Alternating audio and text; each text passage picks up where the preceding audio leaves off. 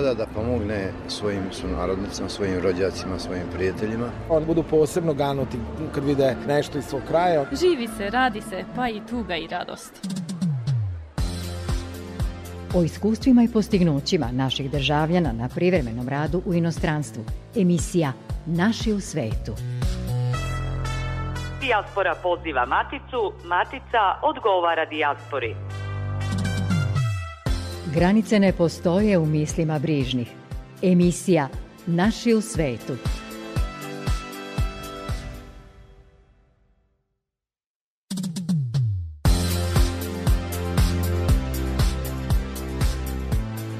Dobar dan. U današnjoj emisiji čućete kako je organizovana dijaspora u Austriji. Udruženje Fokus priređuje manifestacije koje čuvaju tradiciju, a humanitarni rad je njihova preokupacija. Austrijsko-srpsko društvo Mina Karadžić u Beču dočekuje naše pisce iz Frankfurta. Predstavljamo i značaj zajedničkog veća opština u Hrvatskoj za Srbe u regionu. U Beogradu se pripremaju za doček naših lekara iz raseljanja koji će učestvovati na medicinskoj konferenciji. Sa vama su u narednih pola sata za tonskim putom Raško Aljić i pred mikrofonom Goran Pavlović. Sada je 19 časova i 5 minuta. Ostanite uz nas.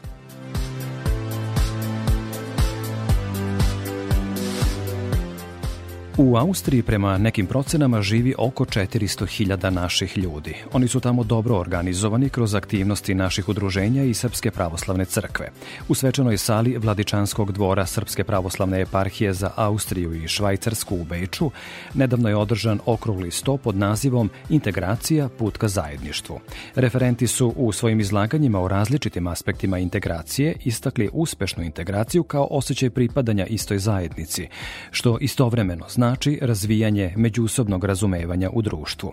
Jedna od govornika bila je i Vesna Jovanović Klinger, predsednica društva Fokus koja organizuje i dane srpske kulture u Beču, manifestaciju koja okuplja naše ljude u rasejanju i koja neguje domaću kulturu i tradiciju. Naša dijaspora u Austriji veoma je posvećena i humanitarnom radu za ugrožene u matici. Sa nama je Vesna Jovanović Klinger iz Fokusa. Želimo vam dobrodošlicu u emisiju Naši u svetu Radio Novog Sada. Dobar dan i veliki pozdrav za sve slušaoce. Humanitarni rad Fokusa je prioritet u delovanju. Znamo da ste prikupljali novac za školu u Gnjilanu, pomagali ste poplavljenim područjima u Matici. Čuli smo, prikupljali ste novac za našeg nadarenog učenika. Koji su sledeći koraci u tom smislu? Pa humanitarne aktivnosti su jedan deo aktivnosti našeg udruženja Fokus. Mi nismo humanitarna organizacija, ali u okviru našeg programa rada je, su takođe humanitarne aktivnosti planirane. Evo mogu reći da ovaj, planiramo takođe e, jednu malo veću akciju za decu na Kosovu i Metohiju, da uključimo što više naših firmi ovde koji mogu da pomognu, tako da e, konkretno nešto ne mogu sada baš da kažem, ali evo jedna od akcija će biti takođe posvećena deci u osnovnoj školi Branko Radičević u Cernici e, koji žive u enklavi Cernica, opština Gnjilane. U razgovoru sa našim ljudima širom sveta saznajemo da je u mnogim sredinama crkva mesto okupljanja i identifikacije sa kulturom i našim običajima. Koliko je Srpska pravoslavna crkva prisutna u Austriji i koliko je ona oslonac za lakši život daleko od rodnog kraja, odnosno mesta porekla? Da, mogu reći da Srpska pravoslavna crkva u Austriji igra ogromnu značajnu ulogu za e, srpsku dijasporu u Austriji, da smo mi okupljeni oko pravoslav, pravoslavne crkve kao e, deca oko e, skuta majčinog i verujte mi da toliku saradnju imamo od strane i njegovog prosveštenstva vladike Andreja i svih drugih časnih od, otaca da sam zaista toliko prijatno iznenađena jer mi se okupljamo oko crkve i tu su dešavanja naša i duhovna i kulturna. Imamo mnogo, mnogo manifestacija u Austriji.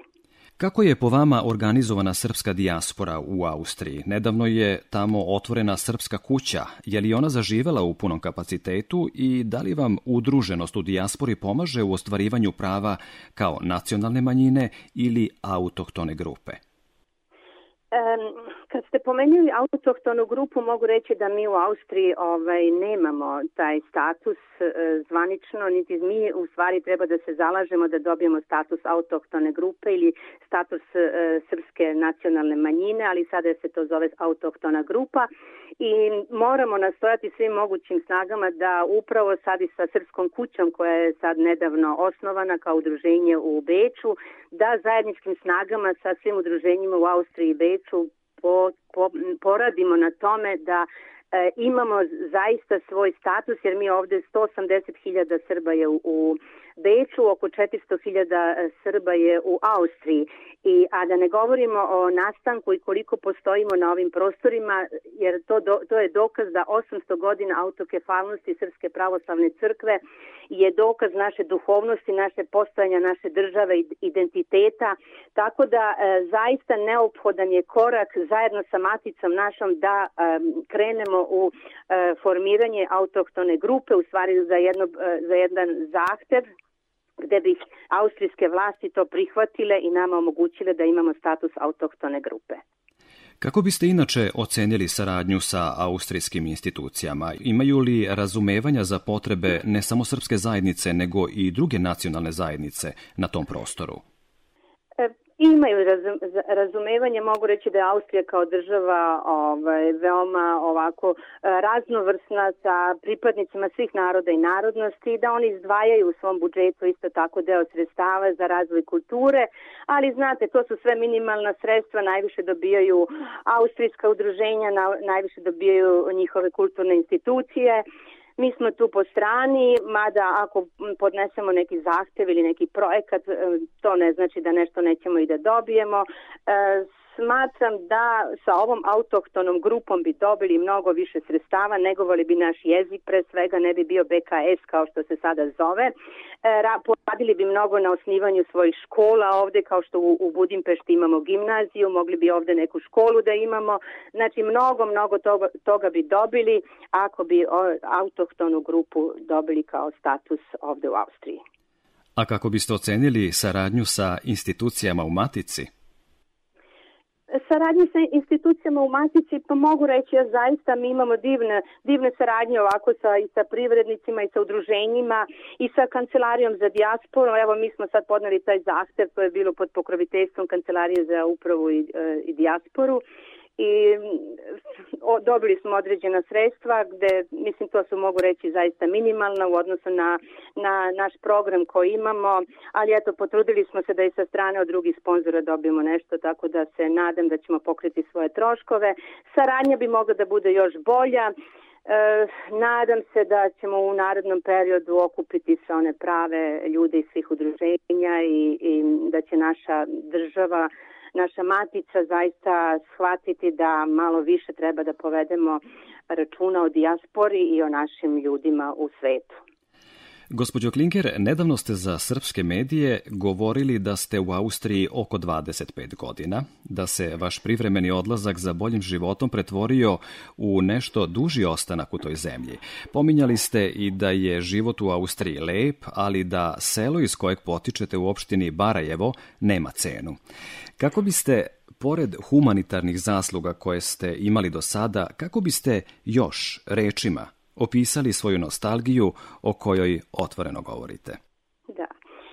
Um, ja sam iz Arnajeva na opštini Barajeva, to je moje selo koje najviše volim na svetu i jedva čekam da krenem u penziju i da se vratim u svoj zavičaj. E, velika nostalgija je e, prisutna kod svih nas e, koji živimo daleko od svog rodnog kraja, ali evo to se u meni, u mom srcu pre, e, prolama, tako da se nadam da ovaj, ću se isto tako kad se vratim u penziju, maksimalno angažovati za jedno opšte dobro, za razvoj moga sela, opštine, pa ako budem dalje uspela i grada. E, nostalgija je nešto što, što nas, vi, znate, i kad dođemo iz svakodnevnice u svoju kuću, u svoj dom, razmišljamo o tome kako je u našem zavičaju, kako je u toj našoj porodičnoj kući, kako su naša familija, e, mada moj sin je ovde u Beču, ali bez obzira ja sam jako vezana i za familijom u Srbiji. To je nešto što me vezuje i ako Bog da vratit ću se jednog dana i to mi je želja i tamo ću da provedem svoj ostatak života. A Ovo je bila ekonomska e, mora, da sam morala da dođem u drugu zemlju i da eto tako ostvarim nešto što bi što sad u starosti mogu da, da doprinesem što se tiče penzije i tih Da li smo, gospođo Klinger, e, nešto propustili da kažemo u ovom razgovoru, a što biste još želeli da napomenete o vašem udruženju ili našoj dijaspori u Austriji? Pa želela bih da se evo ovim putem da iskoristim, da se zahvalim svim um, svim ljudima dobre volje, pre svega da se zahvalim njegovom prosveštenstvu vladiki e, našem Andreju Čilerđiću, da se zahvalim Srpskom e, austrijskom društvu i svim udruženjima koji su pomogli da se ovaj, Srpski dani kulture provedu na što boljem nivou sa željom da svake godine bude što bolje, što više i naravno što organizovanije. Tako da se zahvaljujem naravno i Kancelariji za dijasporu. E, želela bi da e, ovi naši, naši planovi se ostvare u što e, skoroj budućnosti, da imamo svoj jezik, srpski jezik, da ne bude BKS, da imamo svoju autohtonu grupu koja će, koja će zaista e, imati svoje određena sredstva za realizaciju svojih programa u oblasti kulture, nauke i A, tako da, eto, to bi bilo nekih od um, ciljeva koji bi želeli da se eto realizuju i naravno da negujemo našu kulturu ovde i da se približavamo što više drugim e, nacijama, drugim kulturama, da im pokažemo šta mi imamo. Mi imamo mnogo manifestacija u Austriji, ali znate, to su nekako sve manifestacije u okviru naših organizacija. Srbi su tu, tu su i drugi sa područja bivše Jugoslavije, ali treba našu kulturu predstavljati što više drugim narodima, Austrijancima, da nas upoznaju bolje, da nam e, da vide da smo mi srpski narod, onaj narod koji je junački narod, koji narod koji nikada nije napadao, nikada nije osvajao, koji je se samo e, branio svoju zemlju i da smo mi jedan častan i pošten narod. Radio Novi Sad i emisija Naši u svetu biće svakako uvek zainteresovana da sa radošću obaveštava javnost o svim vašim manifestacijama i sadržajima. Iz perspektive novinara koji sa rekoh radošću doživljava svaki uspeh naših ljudi u svetu, nadam se, gospođo Klinger, da će vam se želja ostvariti da sa istim ili sličnim uspehom nastavite svoju humanitarnu misiju u zemlji porekla, u svom rodnom kraju, na zadovoljstvo svih koji prepoznaju pruženu ruku. Zahvalni su joj i uče od ljudi kao što ste vi, uče da budu humani i nesebični, kako bi o njima mogle da pričaju i generacije koje dolaze. Hvala vam puno na mogućnosti da učestvujem u vašoj emisiji. Sa nama je bila Vesna Jovanović-Klinger iz udruženja Fokus iz Beča. Pozdravite su narodnike u Austriji, poručite im da se osvrćemo na njihove uspehe i da o njima rado govorimo. Svako dobro svako dobro hoću, rado ću pozdraviti. Emisija Naši u svetu. Književnica Svetlana Matić je predsednica Austrijsko-srpskog kulturnog društva Vilhelmina Mina Karadžić. Najavljuje gostovanje Udruženja pisaca sedmica iz Frankfurta sutra, dakle 11. juna, i govori o daljim planovima društva. Pitali smo je i za inicijativu da Dušku Radoviću postkumno bude dodeljena nagrada grada Beograda. U zajednici srpskih opština u Beču, inače, još koji dan može se pogledati izložba Bio jednom jedan laf – upriličena povodom 100 godina od rođenja Duška Radovića. Razgovor je vodila Gordana Gligorić, urednica emisije Večeras zajedno, Radio Beograda 1, sa kojim naša emisija razmenjuje priloge iz rasejanja. Svetlana Matić, Beč, Austrijsko-srpsko kulturno društvo Vilhelmina Mina Karadžić. Svetlana, dobroveče. Dobroveče, pozdrav vama i vašim slušalcima širom sveta. Izložbom bio jednom jedan laf obeležili ste 100 godina od rođenja našeg Duška Radovića. Kada ste otvarali izložbu pre skoro mesec dana, 12. maja, najavili ste da ćete pokrenuti inicijativu da se Dušku posthumno dodeli nagrada grada Beograda, nekada poznata kao Oktobarska nagrada. Jeste li uputili takvu inicijativu? Jeste, mi smo kao društvo uputili inicijativu da se Dušku Radoviću posthumno dodeli takvo priznanje, jer prosto smatramo da da je on toliko uh, doprineo razvoju Beograda, toliko je promovisao taj grad, živeo u njemu, radio toliko dugo, svako jutro kada je dolazio na posao je uh, video razne nepravilnosti u, gradu, a i takođe lepe stvari koje je isticao i mislim da je zaista a, svim svojim srcem i delom a, koje je ostavio i za sebe zaslužio da dobije najveću nagradu grada Beograda. Smatramo da tu nepravdu treba ispraviti bar sada posthumno i iskreno se nadamo da će a, u, u Skupštini grada Beograda imati sluha da ovo sprovedu i u delo. Inače, naš ta je još uvek u Beču do nedelje 12. juna.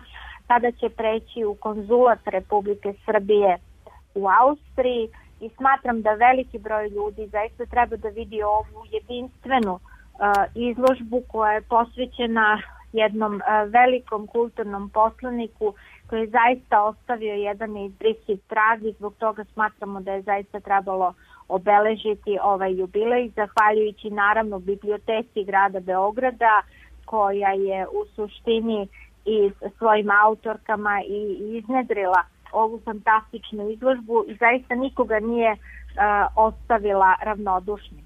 Tako da, eto, kažem, pozivam one koji slušaju i koji mogu da dođu da pogledaju izložbu, jer uh, kao što znate, naša zajednica Srpskih kluba u Beču je svaki dan otvorena od 18 do 21 sat, tako da treba videti ovu veličanstvenu prezentaciju života i dela neponovljivog Duška Radovića.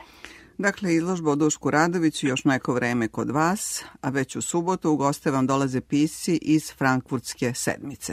Koga ćete sve ugostiti? E,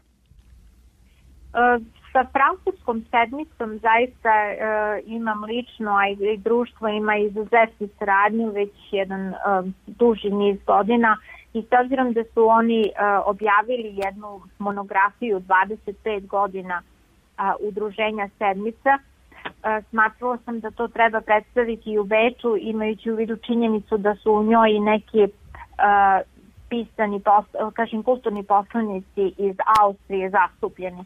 Tako da će ovom prilikom biti e, Ljubiša Simić koji je predsednik sedmice koji će predstaviti ovu fantastičnu monografiju, zatim Zlata Ikanović koji je inače sekretar i članice društva profesor Tatjana Milanović koja predaje u dopunskoj srpskoj školi u Nemačkoj, konkretno u Frankfurtu i okolini, Kostadinka Đorđevska koja je jedna od osnivača sedmice i naravno Desa Burazor Aslanidis, predsednica prosvjete iz Štutgarta.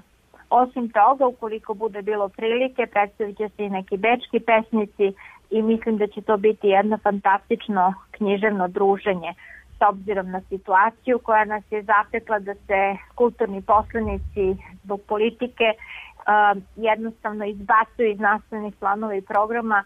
Ovo je i jedan, da kažem, gest dobre volje i naše borbe da ipak poezija treba da ostane nedirnuta i da zahvaljujući našim aktivnostima stavimo do znanja da postoje neke vrednosti koje su neprocenjive i koje prevazilaze svaki trenutni problem ili politička previranja. Tako da smatram da će ovo biti zaista jedno fantastično književno druženje. Nismo se odavno čule pa da najavimo još neke od planiranih aktivnosti vašeg društva.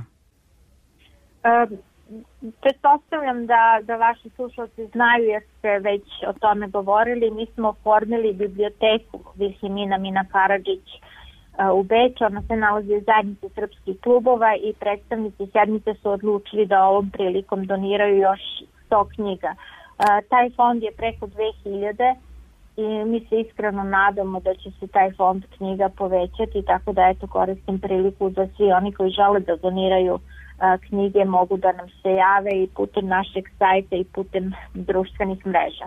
U septembru mesecu planiramo isto niz kulturnih aktivnosti.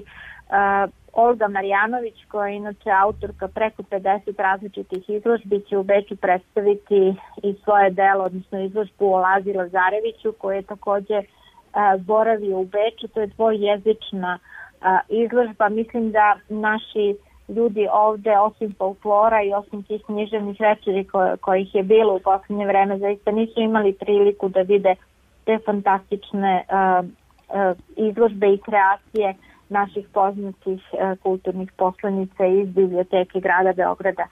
Osim toga, ove godine se navršava 130 godina od rođenja našeg Nobelovca Ive Andrića, tako da će uh, gospođa Ženeta Perišić koja je dugi niz godina radila u Andrećevoj zadužbini koja je niz knjiga objavila o ovom e, velikanu književnosti predstaviti njegov život i delo i predstaviti svoju novu knjigu takođe sredinom e, septembra u Beču.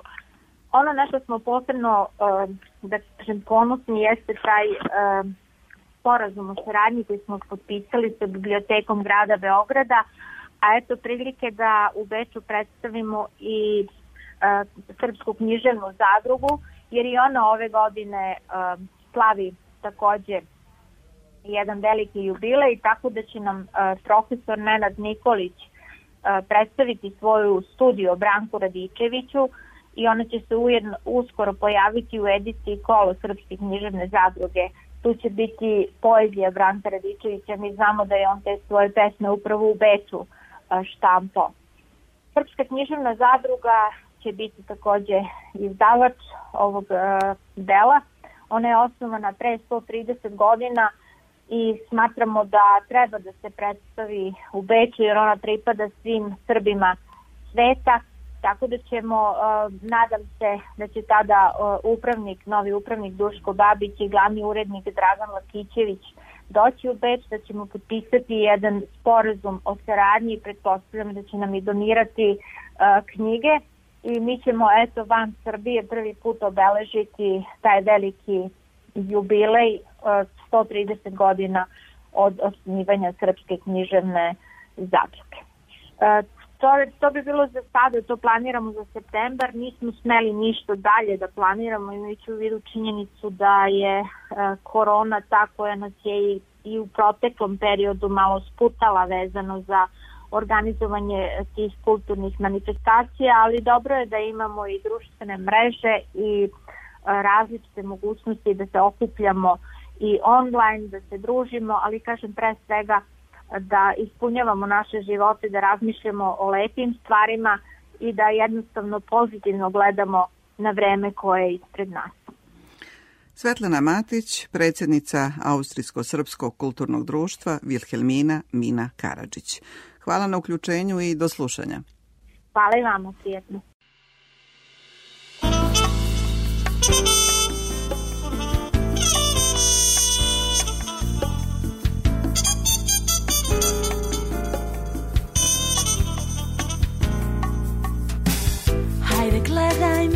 내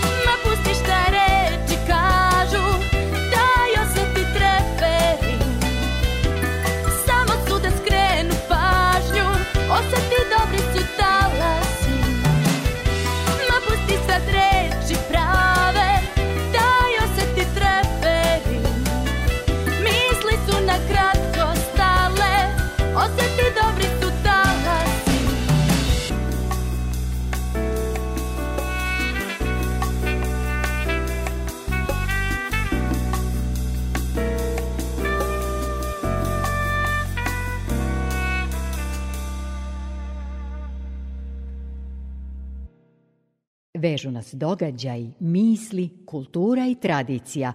Emisija Naši u svetu.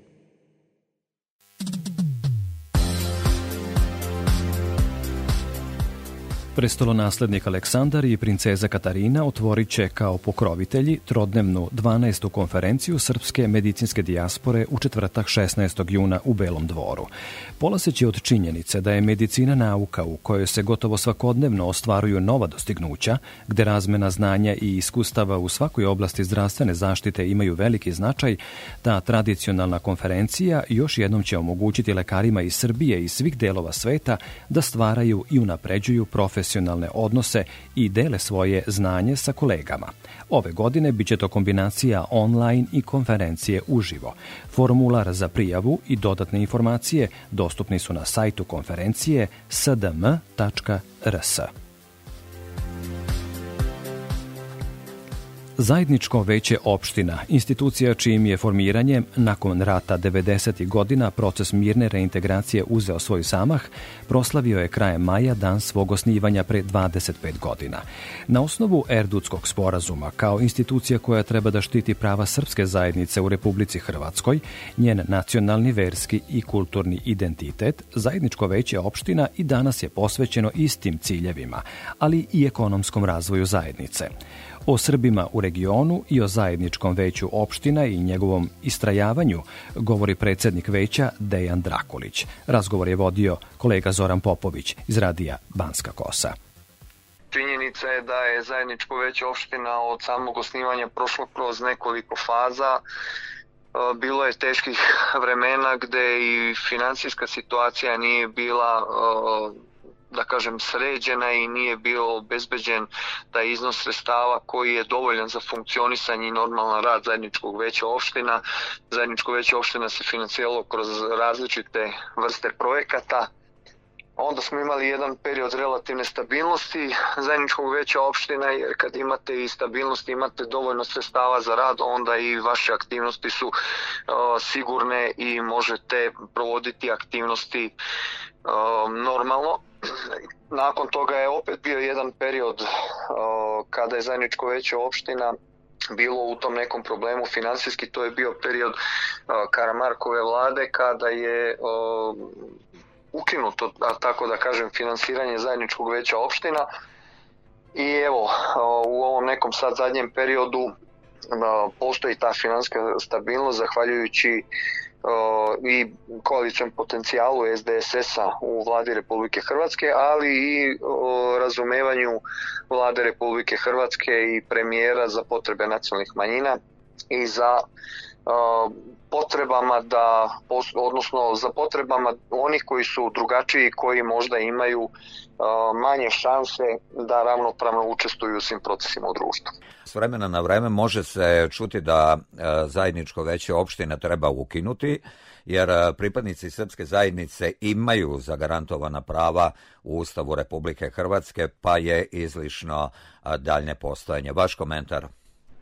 Pa zajedničko veće opštine je nemoguće u tom nekom smislu ukinuti s obzirom da je vlada Republike Hrvatske osnovala zajedničko veće opština upravo radi koordinisanja i radi ostvarivanja tih prava pripadnika nacionalnih manjina. Ona jesu prava generalno svih nacionalnih manjina jesu propisana zakonskim E, zakonima, zakonskim aktima, podzakonskim aktima, međutim e, pitanje realizacije tih e, prava, svesni smo i sami da jedino pripadnici srpske nacionalne manjine imaju problema po pitanju dvojezičnosti, po pitanju registracije škola.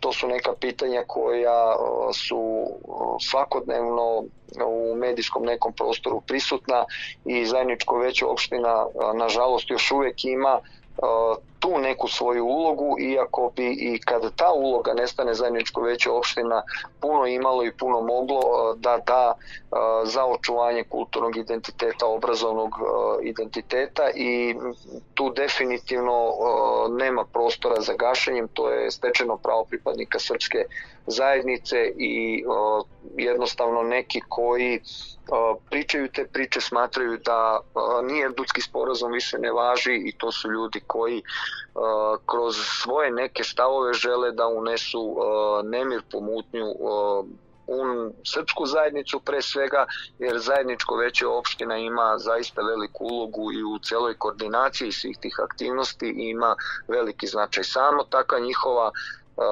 tvrdnja same take njihove izjave dovoljno govore o njihovoj svesnosti značaja zajedničkog veća opština za srpsku zajednicu. Ukoliko ste, poštovani sunarodnici, iz rasejanja krenuli na odmor u maticu ili se za to pripremate, želimo vam srećan put. Večeras su vas pričama kroz dijasporu vodili Gordana Gligorić, Zoran Popović i Goran Pavlović. Sa vama smo i narednog petka od 19.05 na talasima Radio Novog Sada. Sve informacije u vezi sa emisijom potražite na Facebook stranici Naši u svetu RTV. Do slušanja.